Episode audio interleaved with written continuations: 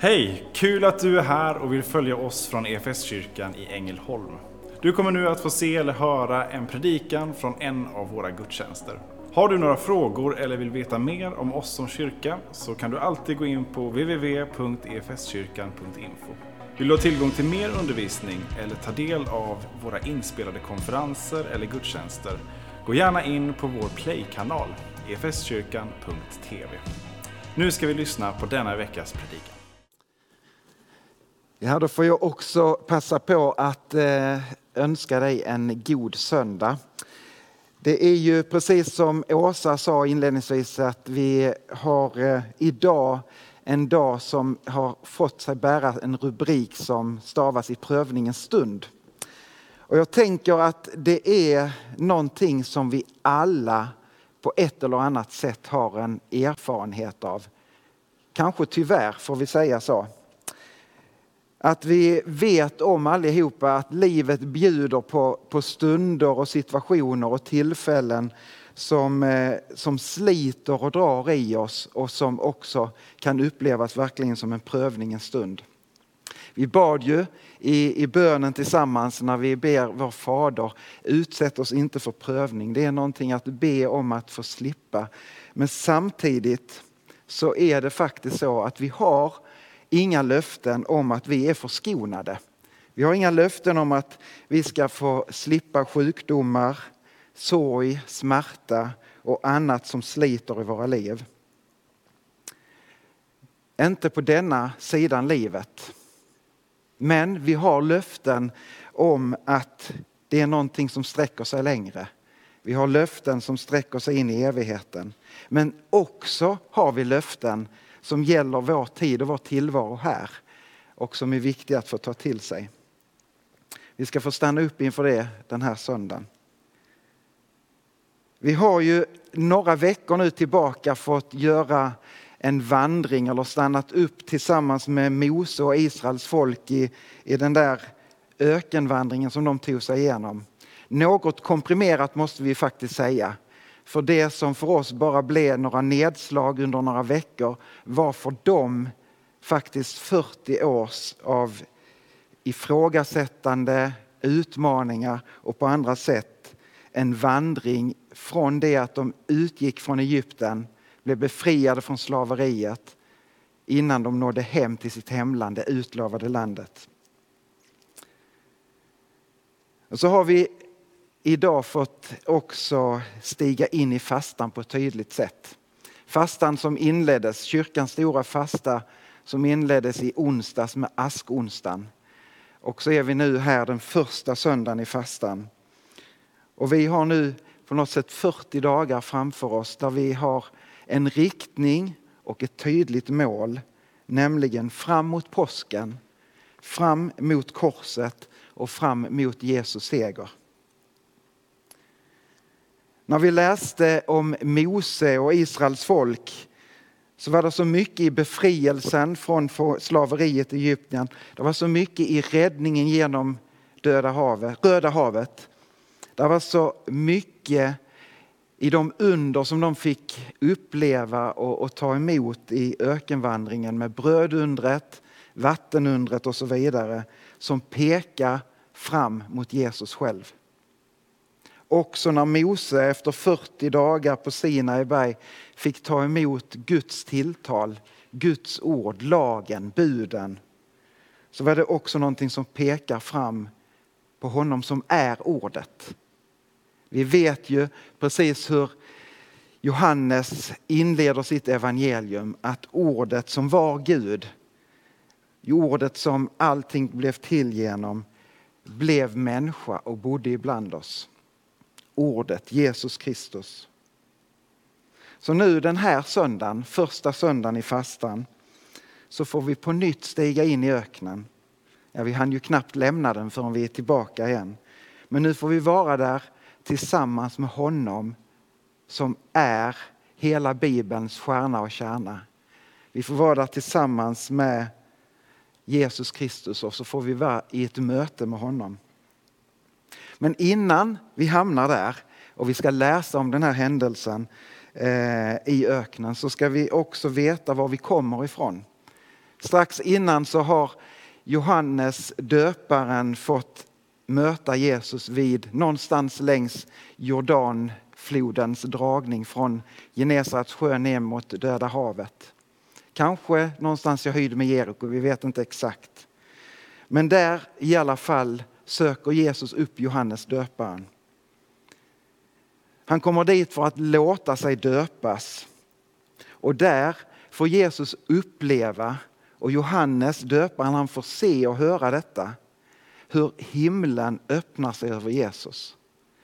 Hur den heliga ande sänker sig ner över honom så att det blir som en synlig gestalt i form av en duva. Och så får de höra rösten ifrån himlen. Faderns röst som uttrycker detta är min älskade son. Han är min utvalde. Fadern bekräftar vem Jesus är. Och jag tänker att i det här ögonblicket så genomsyras Jesus av sitt egna sanna väsen. Och vi befinner oss i det ögonblicket inför ett av vår tros absolut största mysterium, nämligen inkarnationen. Att Gud valde att bli människa. Är det någon som kan räcka upp handen på den där frågan? Förstår du det här fullt ut? Det här enorma mysteriet. Att Jesus Kristus är 100% människa samtidigt som han är 100% Gud. ingen av oss kan förstå det, men vi kan få tro det. Vi kan få hålla fast vid den där tron. 100% människa och samtidigt 100% Gud. Då ska vi tänka allt, precis allt det Gud är och allt det människan är förenas i Marias son. Utan sammanblandning och utan åtskillnad. Det är 100 procent av varje väsen. Därför så kan vi faktiskt säga helt riktigt fullt ut att Jesus är vår broder. Och han är en förebild för oss och, och, och det, i honom så möter vi en som fullt ut vet vad det är att vara människa. Utan liksom andra delar, utan fullt ut vet han vad det är. Och samtidigt kan vi vända oss till samma Jesus och säga du är min frälsare och du är min räddare för att du är Guds son. Johannes döparen får, får ana detta när han möter Jesus där vid Jordanflodens dragning. Och så uttrycker han detta. Se Guds lamm som tar bort världens synd. Han vet vem det är han har framför sig. Så får dopet inleda den offentliga tjänsten som Jesus kommer att stå i några år framåt. Och det är en tjänst och ett liv som också har ett tydligt mål och en tydlig riktning. Samma tydliga mål och riktning som vi vill försöka ha under fastan. Nämligen fram mot Jerusalem, fram mot påsken, fram mot korset och fram mot den slutgiltiga segern. Men det är ingen lätt väg Jesus har att gå. Utan det är, har kommit att kallas lidandets väg. Men nu ska vi stiga in i Bibelns berättelse. Precis efter att Jesus har döpts så kan vi läsa vidare i Matteus 4 och de elva första verserna där. Vi läser tillsammans i Jesu namn. Sedan fördes Jesus av anden ut i öknen för att sättas på prov av djävulen. När han hade fastat i 40 dagar och 40 nätter så blev han till slut hungrig. Då kom frestaren och sa till honom, om du är Guds son så befall att de här stenarna blir bröd. Jesus svarade, det står skrivet, människan ska inte leva bara av bröd utan av varje ord som utgår ur Guds mun. Sen tog djävulen honom med sig till den heliga staden och ställde honom högst upp på tempelmuren och sa, om du är Guds son så kasta dig ner. Det står ju skrivet, han ska befalla sina änglar och de ska bära dig på sina händer så att du inte stöter foten mot någon sten. Jesus sa till honom, det står också skrivet, du ska inte sätta Herren din Gud på prov. Nu tog djävulen honom med sig upp på ett mycket högt berg och visade honom alla riken i världen och deras härlighet och sa, allt detta ska jag ge dig om du faller ner och tillber mig. Då sa Jesus till honom, gå din väg Satan. Det står ju skrivet, Herren din Gud ska du tillbe och endast honom ska du dyrka. Då lät djävulen honom vara och änglar kom fram och betjänade honom. Så lyder det heliga evangeliet. Lovad vare du Kristus.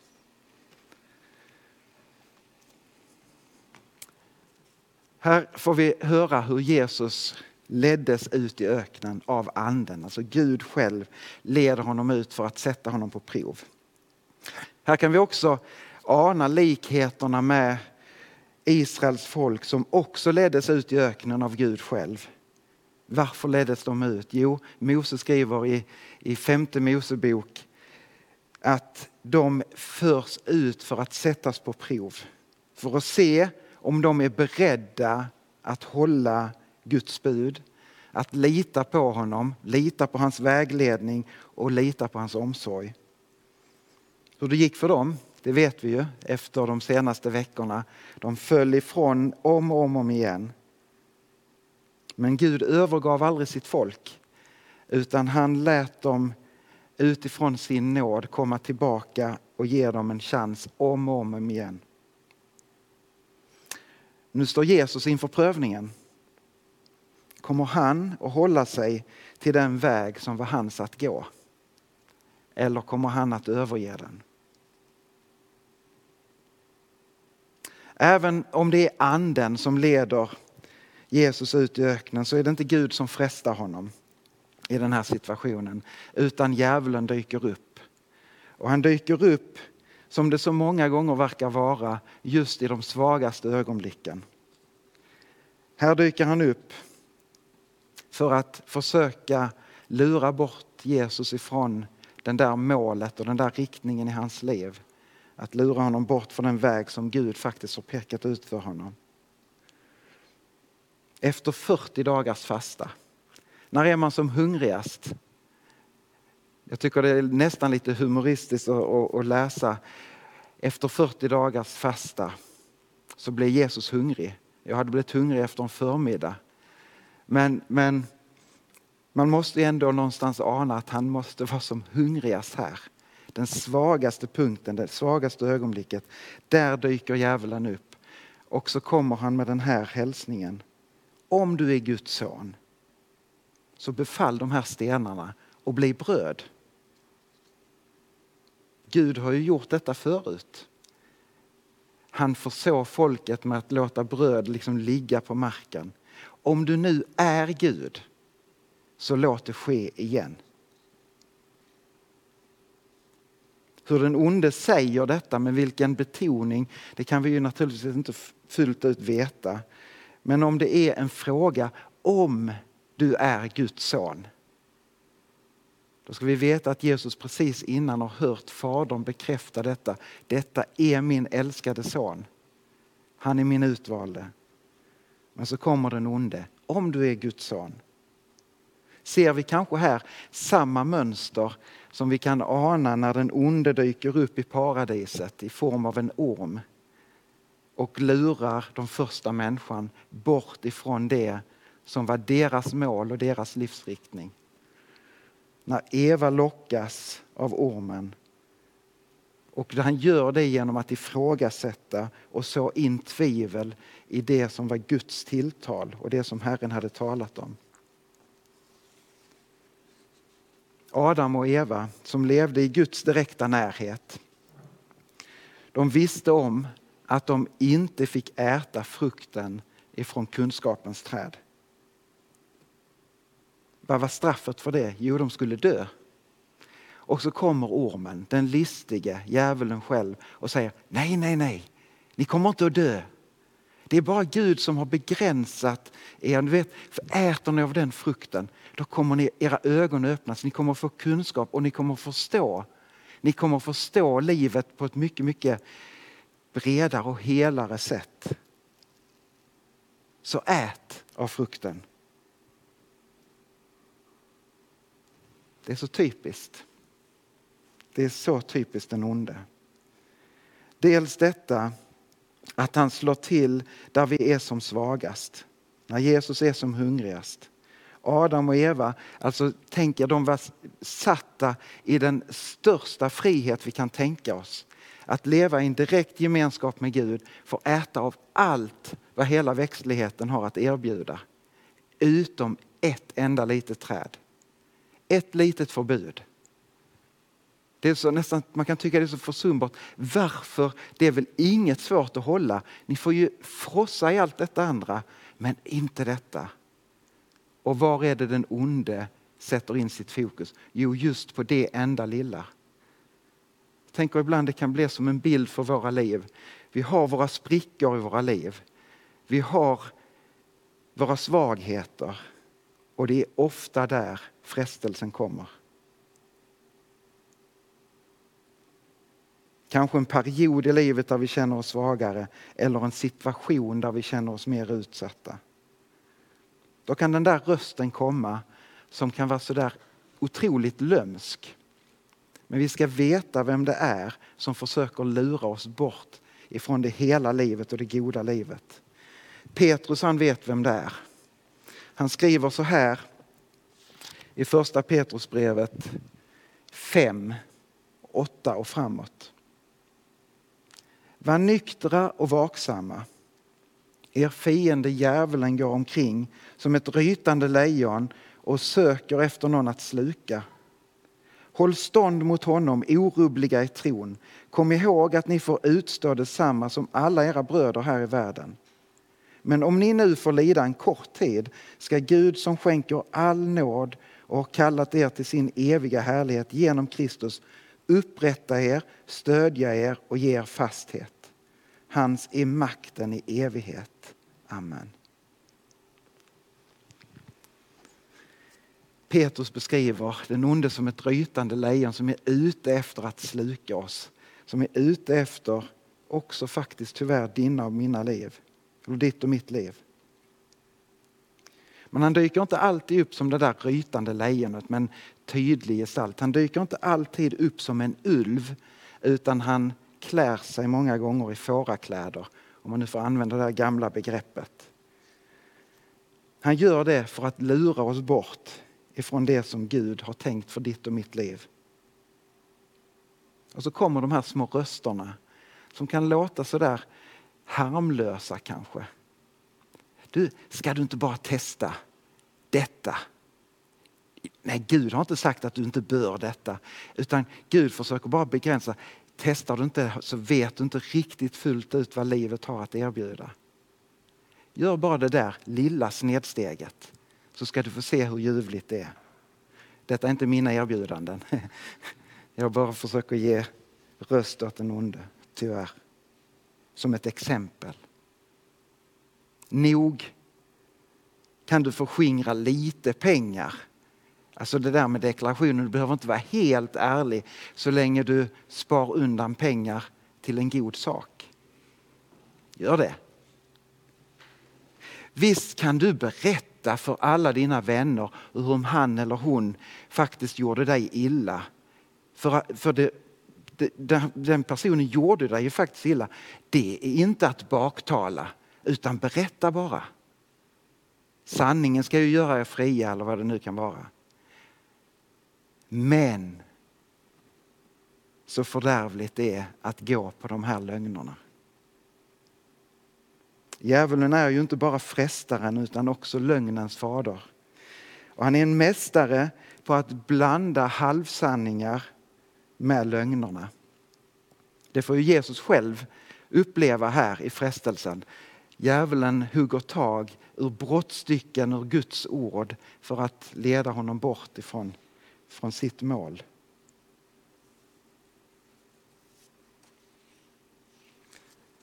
Nej, De där rösterna som, som försöker lura oss bort måste vi vara någonstans uppmärksamma på. Jesus han svarar med Guds ordet. Det starkaste vapnet kanske vi har utan att vi fullt ut förstår det. Och någonstans så anar vi hur, hur Jesus han går och är fullt av det här ordet.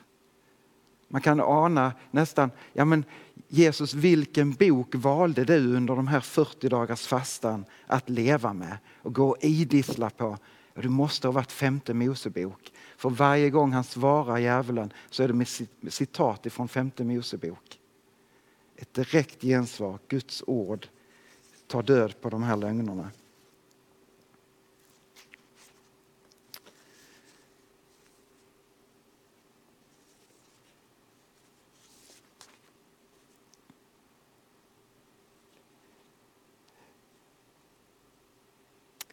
När han tredje gången får frestas, Jesus, så är det genom att han får föras upp på ett högt berg. Och så får han se ut över vidderna. Men så står det också att han får se alla riken i världen. Och någonstans kanske han också fick se genom alla tider. Kanske han får se hela mänskligheten. Han kanske också får se ditt och mitt liv. Och så försöker den onde, djävulen, att lura honom bort genom att säga du, jag skänker dig allt detta.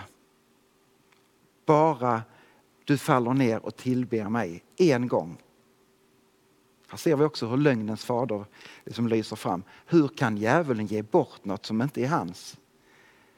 Men någonstans så försöker han ge sken av att, att ja, men i den här fallna världen, jag ska stå tillbaka och så ger jag dig tillträde till alla människor, bara du faller ner och tillber mig. En gång. Men Jesus han svarar nej, jag ska inte tillbe någon annan än Gud. Men han svarar också på det här sättet. Gå din väg, Satan. Det står skrivet, Herren din Gud ska du tillbe och endast honom ska du dyrka. Då lät djävulen Jesus vara. Men han gav inte upp sina försök. Han kommer till att fortsätta försöka att lura bort Jesus ifrån den där riktningen mot korset. Några år senare så kommer Jesus att stå med sina lärjungar och, och samtala vid tillfälle. De har varit ute, de har fått se fantastiskt många tecken och under. De har fått höra Jesus undervisa under flera år så att människor har blivit förvandlade. De har fått se människor bli helade och så vidare. Och så står de en, en, vid tillfälle och pratar om detta. Åh, vet, du vad, vet ni vad de säger om, om dig Jesus? Och så kommer frågan tillbaka från Jesus till lärjungarna. Ja, de säger det här, men vem säger ni att jag är? Och Petrus han tar till orda som han så ofta gör. Men han ger säkert röst för vad alla de andra också faktiskt skulle säga. Men Petrus han uttrycker så här. Du är Messias, den levande Gudens son. Och Jesus bekräftar att Petrus har rätt. Det här har du inte kommit på själv Petrus. Fadern måste ha uppenbarat detta för dig. Och på den bekännelsen Petrus ska jag bygga min kyrka. Och du kommer att bli en nyckelperson i det här. Strax efter detta tillfället så börjar Jesus tala om att de ska bege sig upp till Jerusalem till påsk. Men att han där kommer att fängslas, han kommer att dömas, han kommer att avrättas, han kommer att dö. Men han talar också om att han kommer att uppstå. Men det här kan Petrus inte ta. Nej! Vi kan läsa hur han gensvarar på detta.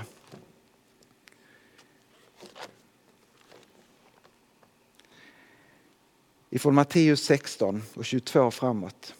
Petrus tog då honom, alltså Jesus, avsides och började förebrå honom och sa Må Gud bevara dig, Herre.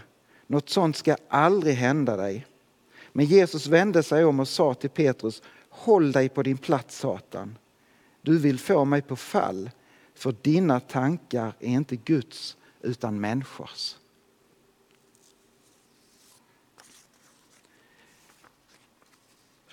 Det är inte bara Petrus ord och, och, mänskliga tankar som kommer fram här utan här är den onde igen och försöker få Jesus att inte gå den där vägen. Detta sker också när vi kommer så långt fram så att Jesus hänger på korset. Också där kommer liksom försöket att få Jesus att stiga ner från korset. Vi kan också läsa det stycket ifrån Matteus evangeliet. Vers, vers 39 kapitel 27. De som gick förbi smädade honom och skakade på huvudet och sa Du som river ner templet och bygger upp det igen på tre dagar, hjälp dig själv nu om du är Guds son och stig ner från korset. Överste prästerna och de skriftlärda och de äldsta gjorde också narr av honom och sa Andra har han hjälpt, sig själv kan han inte hjälpa. Han är Israels kung och nu får han stiga ner från korset. Så ska vi tro på honom. Han har satt sin lit till Gud nu får Gud rädda honom om han bryr sig om honom. Han har ju sagt att han är Guds son. Så dyker detta upp igen. Om du är Guds son, så stig ner. Om du är Guds son, visa din makt. Och Jesus skulle säkert kunnat stiga ner från korset. Och kanske någonstans väcka en tro hos de som står framför korset och liksom wow! Och änglarna hade kanske varit där på nytt, precis som i, i öknen några år tidigare och bara betjänat honom. Och alla kan vi luras tro hade fattat att det här är ju Gud på riktigt. Men Gud visar sin makt genom att Jesus går hela vägen som var utstakad för honom, nämligen lidandets väg. Och han gör det för din skull för min skull och för hela mänsklighetens skull. Istället för att stiga ner från korset så hänger han kvar i smärta, helt övergiven. Och så uttrycker han över sina bödlar och över dem som hånar honom men också över hela mänskligheten. Också över ditt och mitt liv. Fader, förlåt dem för de vet inte vad de gör.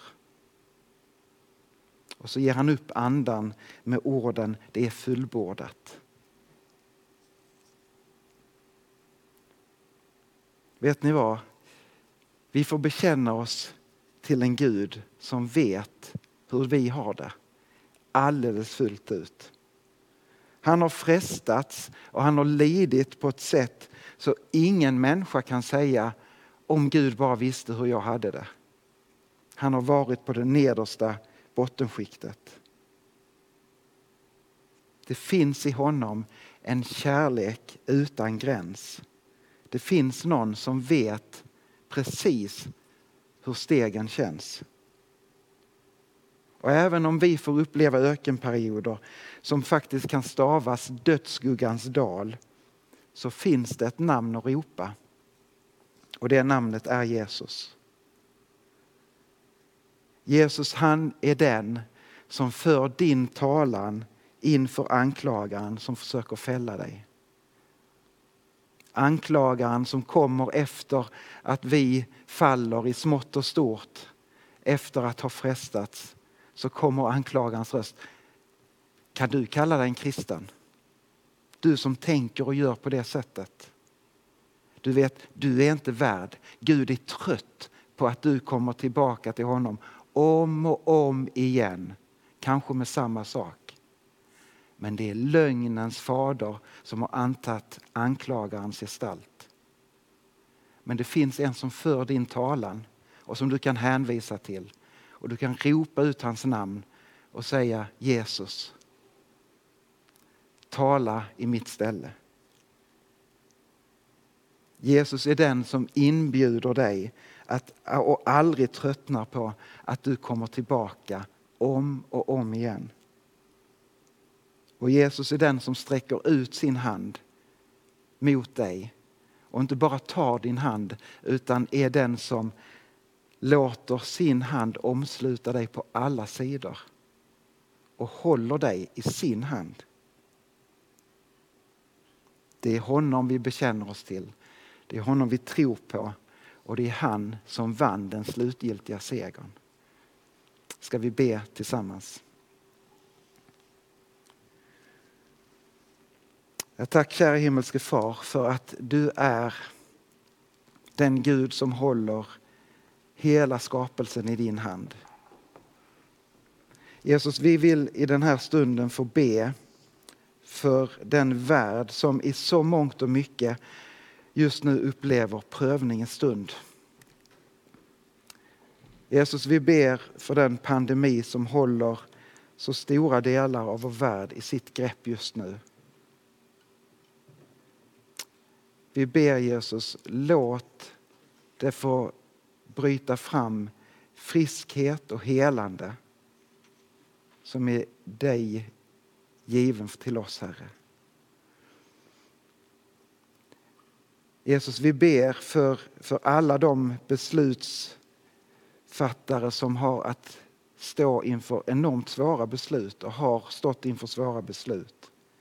Vi ber om beskydd för deras liv. Vi ber om sansade och kloka beslut, Herre. Vi ber för den och de som, som arbetar för att hitta ett vaccin för att få bukt på detta. Lägg din välsignande hand över hela det arbetet, Jesus. Och vi ber speciellt också för alla de som jobbar i sjukvården och som får möta många, många patienter och som sliter så att det gnager i deras liv. Ge dem kraft och ge dem hopp, Herre. Men så ber vi också, Herre, för hela världen men också speciellt för de som finns i vår närhet som bär på andra sjukdomar än det som stavas corona. Och som upplever prövningens stund och som längtar efter ett ingripande av dig. Jesus, vi ber, lägg dina helande händer på dem som ropar ditt namn.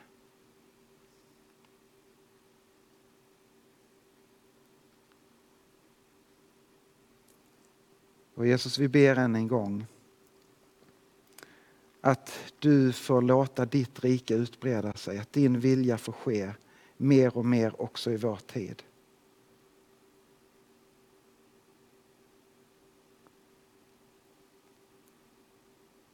Och vi tackar dig för att du älskar oss med en kärlek som inte har någon gräns.